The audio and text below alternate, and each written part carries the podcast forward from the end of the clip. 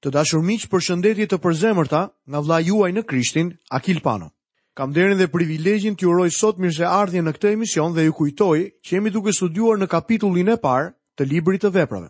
Pa u vonuar lexojmë nga vargu i 12 i këtij kapitulli fjalën e Zotit.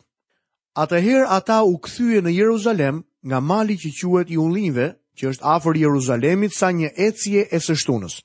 Ecja e së shtunës, e cila ishte më pak se një milje, i mbante njerëzit afër zonës së tyre. Kjo ishte arsyeja që fushonin shumë afër tempullit gjatë ditëve të festave kur vinin në Jeruzalem për të adhuruar.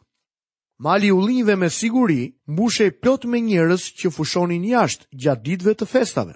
Pse? Sepse ata nuk duhet të largoheshin nga tempulli më shumë se një ecje e së shtunës. Lexojmë vargjet 13 dhe 14. Dhe si u kthyen në qytet, u ngjitën në sallën e sipërme ku rrinin Pjetri dhe Jakobi, Gjoni dhe Andrea, Filipi dhe Thomai, Bartolomeu dhe Mateu, Jakobi i Alfeut dhe Simon i Zellshmi dhe Juda i Jakobit. Të gjithë këta ngulmonin me një mendje të vetme në lutje dhe përgjërim së bashku me gratë, me Marinë, nënën e Jezusit dhe me vëllezërit e tij. Jam i lumtur që Maria, nëna e Jezusit, ishte atje. Emri i saj tashmë ishte qartësuar. Në këtë pikë është më se e dukshme se Jezusi ishte biri i Perëndisë dhe se kishte lindur nga një e virgjër, ashtu siç kishte deklaruar ajo vetë. Qëndrimi i apostujve dhe besimtarëve të tjerë ishte uniteti në lutje dhe në pritje. Ne nuk mund ta përsërisim këtë periudhë sot. Kjo ishte një periudhë midis ngjitjes së Krishtit në qiell dhe ardhjes së Frymës së Shenjtë. Unë dhe ti nuk jetojmë më në atë periudhë. Kjo gjë nuk mund të përsëritet. Nuk po presim për ardhjen e Frymës së Shenjtë, sepse 2000 vjet më parë Fryma e Shenjtë erdhi në planetin tonë.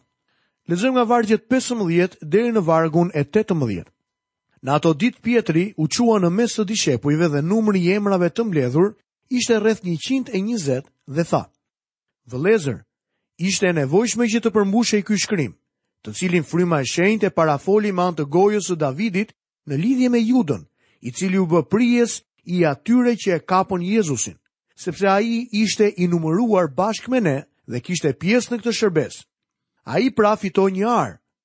me shpërblimin e paudhësisë dhe duke rënë kokëposhtë, plasi në mes dhe të gjitha të brendshmet e tij iu derdhën. Këtu është duke folur Simon Pjetri. Vini re se kjo ndodh para se të vinte fryma e shenjtë.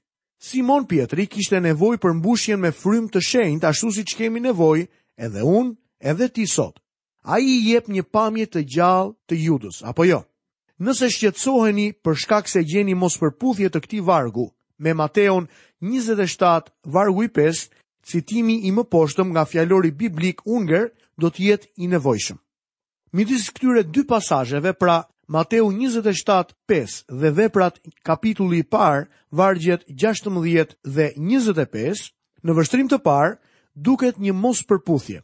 Tek Mateu deklarohet dhe ai, mbasi i hodhi siklat prej argjendi në tempull, u largua dhe shkoi e u var në litar.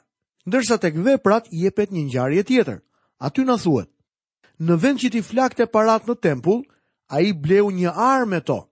Në vend që të varte veten, ai bie kokëposhtë, plas në mes dhe të gjitha të përbrendshmet e tij u derdhën. Dhe për këtë arsye, për shkak se kjo arë ishte blerë me çmimin e gjakut, me çmimin që Jezusi u shit prej Judës, ajo arë u quajt Akeldama. Fakti është se Juda vari veten dhe me shumë mundësi me rripin e tij, i cili ose u kput ose u zgjidh, kështu që ai ra me forcë mbi gurët e thepisur, duke shkaktuar atë që përmendet nga apostulli Pjetër tek veprat e apostujve. Mospërputhja e dukshme në dy ngjarjet sipas sistemit të parasë mund të ketë këtë shpjegim. Në tempull për blerjen e gjërave të shenjta, nuk ishte e ligjshme të futeshin para që ishin fituar në mënyrë të paligjshme. Në raste të tilla, ligji jude thoshte që ato para duhet t'i ktheheshin dhuruesit dhe nëse ai insistonte në dhënien e tyre, Atëherë, ato do të shpenzoheshin për blerjen e diçkaje publike. Sipas ligjit, paraja konsiderohej ende e Judës dhe ajo u përdor nga ai për të blerë të mirënjohurën ara e gjakut. Lexojmë vargjet 19 dhe 20. Kjo iu bë e njohur të gjithë banorëve të Jeruzalemit, saqë ajo arë në dialektin e tyre është quajtur Akeldama që do të thotë Ara e gjakut. Në fakt, në librin e Psalmeve është shkruar: Shtëpia e tij u bëftë e shkretë dhe askush mos banoftë në të.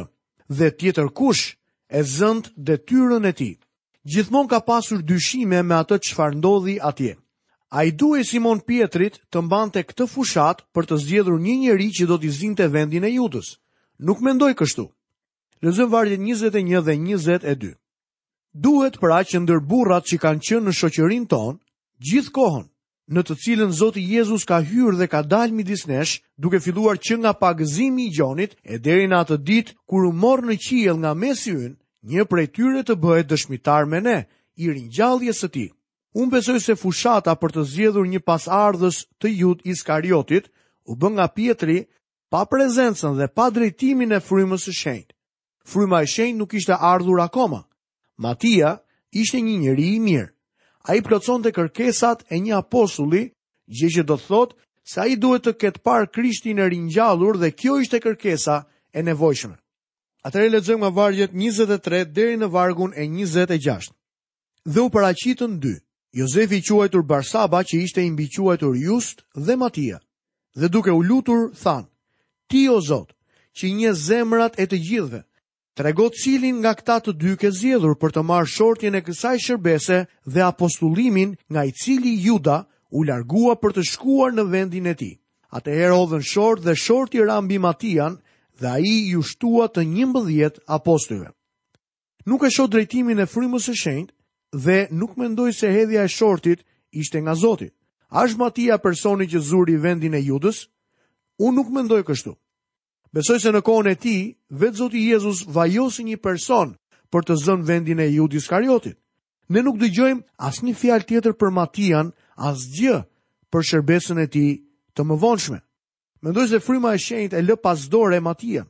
Bindja ime është se njeriu që zgjodhi Zoti ishte apostulli Pal. Ju mund të pyesni, a ke autoritet për ta bërë një deklaratë të tillë? Po. Dëgjoni se çfarë thotë Pali kur u shkruan besimtarëve në Galaci. Pali apostull, jo nga njerëzit, as me anë të njeriut, por nëpërmjet Jezu Krishtit dhe Perëndisë Atit që e ringjalli prej së vdekurish. Pali po thotë se ai u zgjodh nga Ati Perëndi dhe nga vetë Zoti Jezus. Si?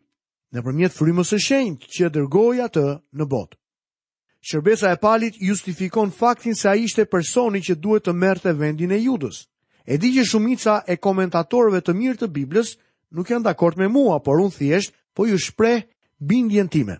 Dua të përmend sërish se veprat, kapitulli i parë, i sjell të katër ungjijtë në një pikë kyçe. Mateu mbyllet me ringjalljen. Marku me ngritje në qiell, Luka mbyllet me premtimin e shpirtit të shenjtë dhe Gjoni me premtimin e ardhjes së dytë. Kapitulli i parë i veprave i sjell të gjitha ato së bashku dhe përmend secilën prej tyre. Të katër ungjijtë drejtohen tek veprat dhe letra e veprave është ura midis ungjijve dhe letrave.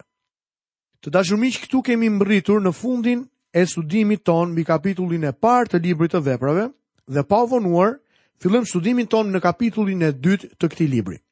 Tema që do të shqyrtojmë është dita e rrëshajeve. Këtë kapitull mund ta ndajmë në dy pjesë. Ardhja e frymës së shenjtë regjistrohet nga vargjet 1 deri 13 dhe predikimi i parë në kishën e hershme që jepet nga apostulli Pjetër nga vargjet 14 deri 47. Atëherë lexojmë nga kapitulli i dytë i Veprave, vargun e parë. Kur erdhi dita e rrëshajave, ata ishin të gjithë bashkë, në një mendje të vetme, në të njëjtin vend. Fjala erdhi mund të përkthehet dhe u mbush. Kur u mbush dita e rrëshajës, ata ishin të gjithë së bashku në të njëjtin vend. Dita e rrëshajave festohej 50 ditë pas festës së frutave të parë. Ju mund të kujtoheni nga studimi ynë tek libri i Levitikut se festa e frutave të parë i referohej ringjalljes së Jezu Krishtit. Krishti është fruti i parë.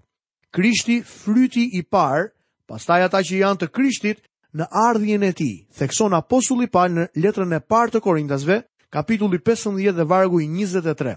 Pashka simbolizonte vdekjen e Jezu Krishtit. Ne mësojmë nga 1 Korintasit 5, 7, se Pashka jonë që është Krishti, u flijua për ne.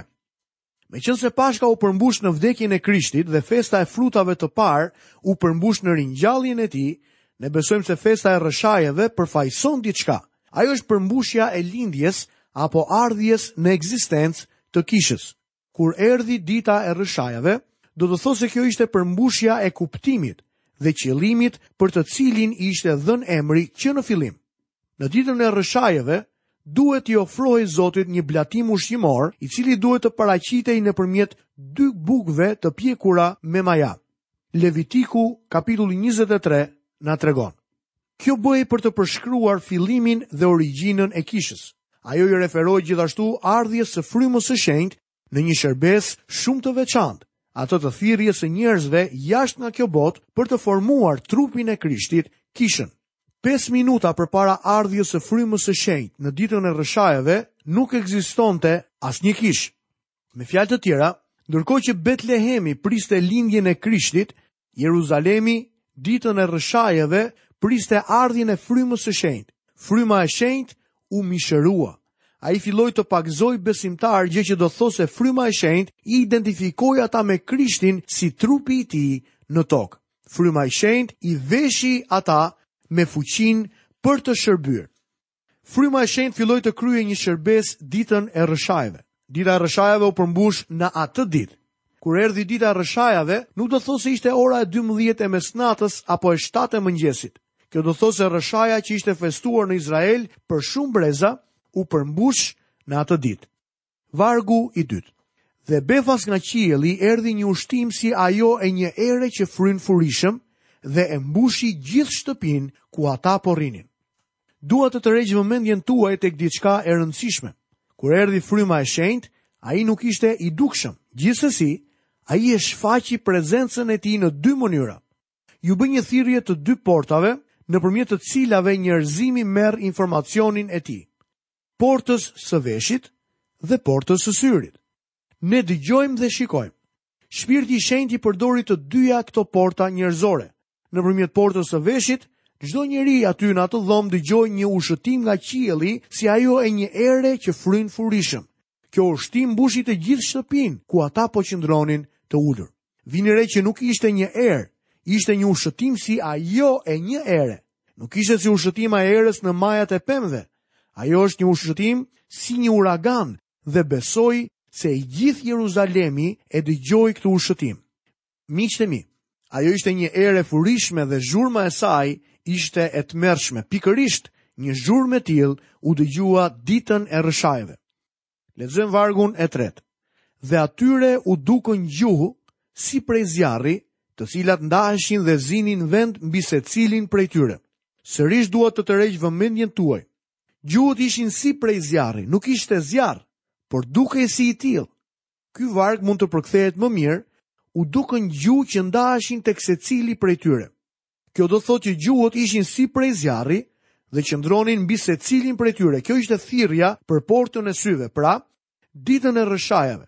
Kur fryma e shenjtë erdhi në kishë, duke i pagëzuar ata, iu bë një thirrje veshëve dhe syve njerëzorë. Lexojmë më poshtë vargun e katërt. Kështu të gjithë u mbushën me frymën e shenjtë dhe filluan të flasin në gjuhë të tjera, ashtu siç fryma e shenjtë ua jepte të shpreheshin. Ky varg thotë se ata u mbushën me frymën e shenjtë. Dikush mund ta vërë në dyshim faktin që unë thashë se ata u pagëzuan me frymën e shenjtë. A u pagëzuan ata?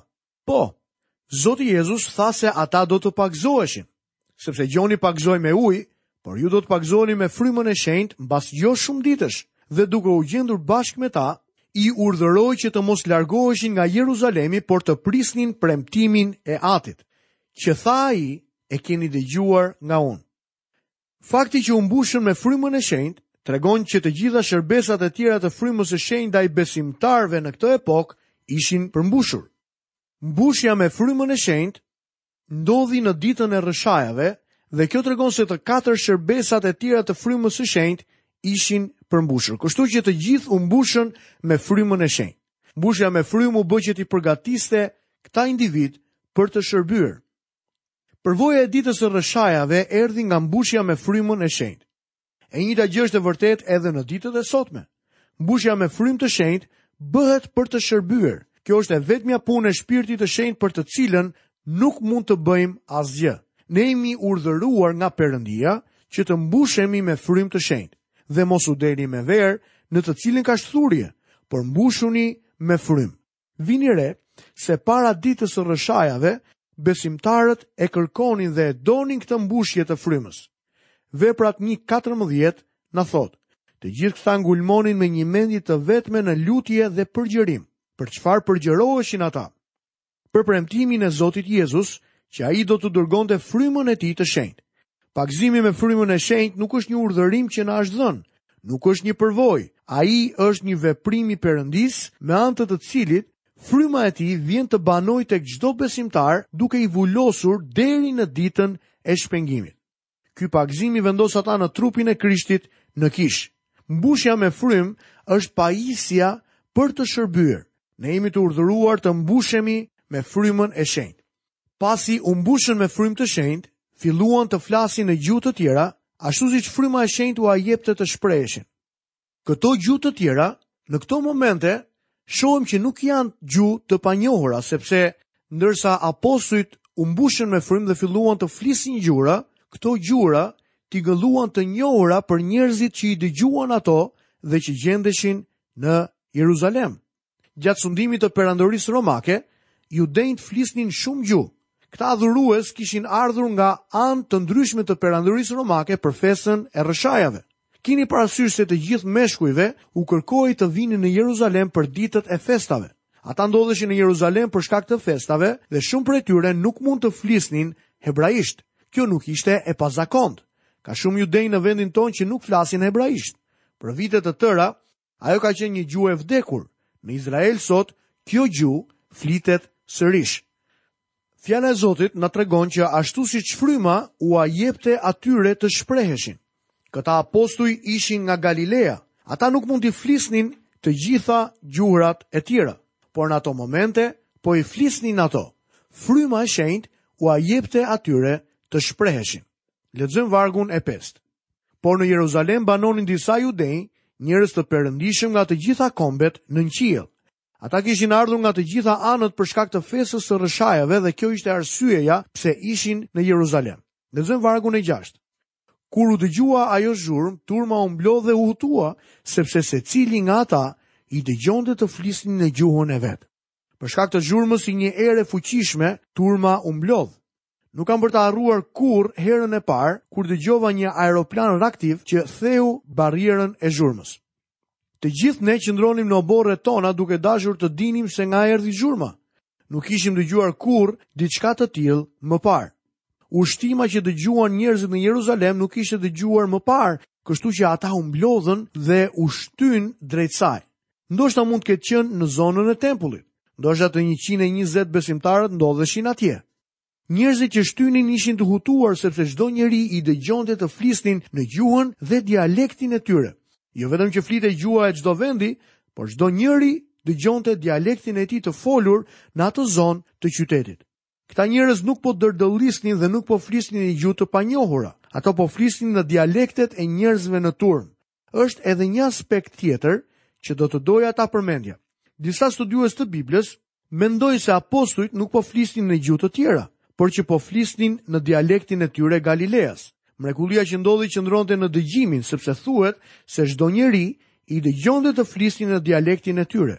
A ishte mrekullia që theu barrierën e gjuhës në të folur apo në të dëgjuar? Lexojmë për këtë gjë nga vargjet 7 deri 11. Dhe të gjithë habiteshin dhe mrekulloheshin dhe i thoshnin njëri-tjetrit. Ja, a nuk janë të gjithë Galileas këta që flasin? Si vallë secili nga ne i dëgjon të flasin në gjuhën e vet amtare? Ne, partët, medët, elamitët dhe banorët e Mesapotamisë, të Judesë dhe të Kapadokisë, të Pontit dhe të Azisë, të Frigjisë dhe Pamfilisë, të Egjiptit dhe të pjesëve të Libisë përballë Kirenës, dhe ne të ardhur nga Roma, judenj dhe prozelitë, kretas dhe arabë, i dëgjojmë të flasin për gjërat e mëdha të Perëndisë në gjuhët tona. Këtu ndodheshin njerëz nga tre kontinente të ndryshme. Kuptohet që ata flisnin gjuhë dhe dialekte të ndryshme. Secili prej tyre i dëgjoi këta Galileas të flisnin në një dialekt të kuptueshëm.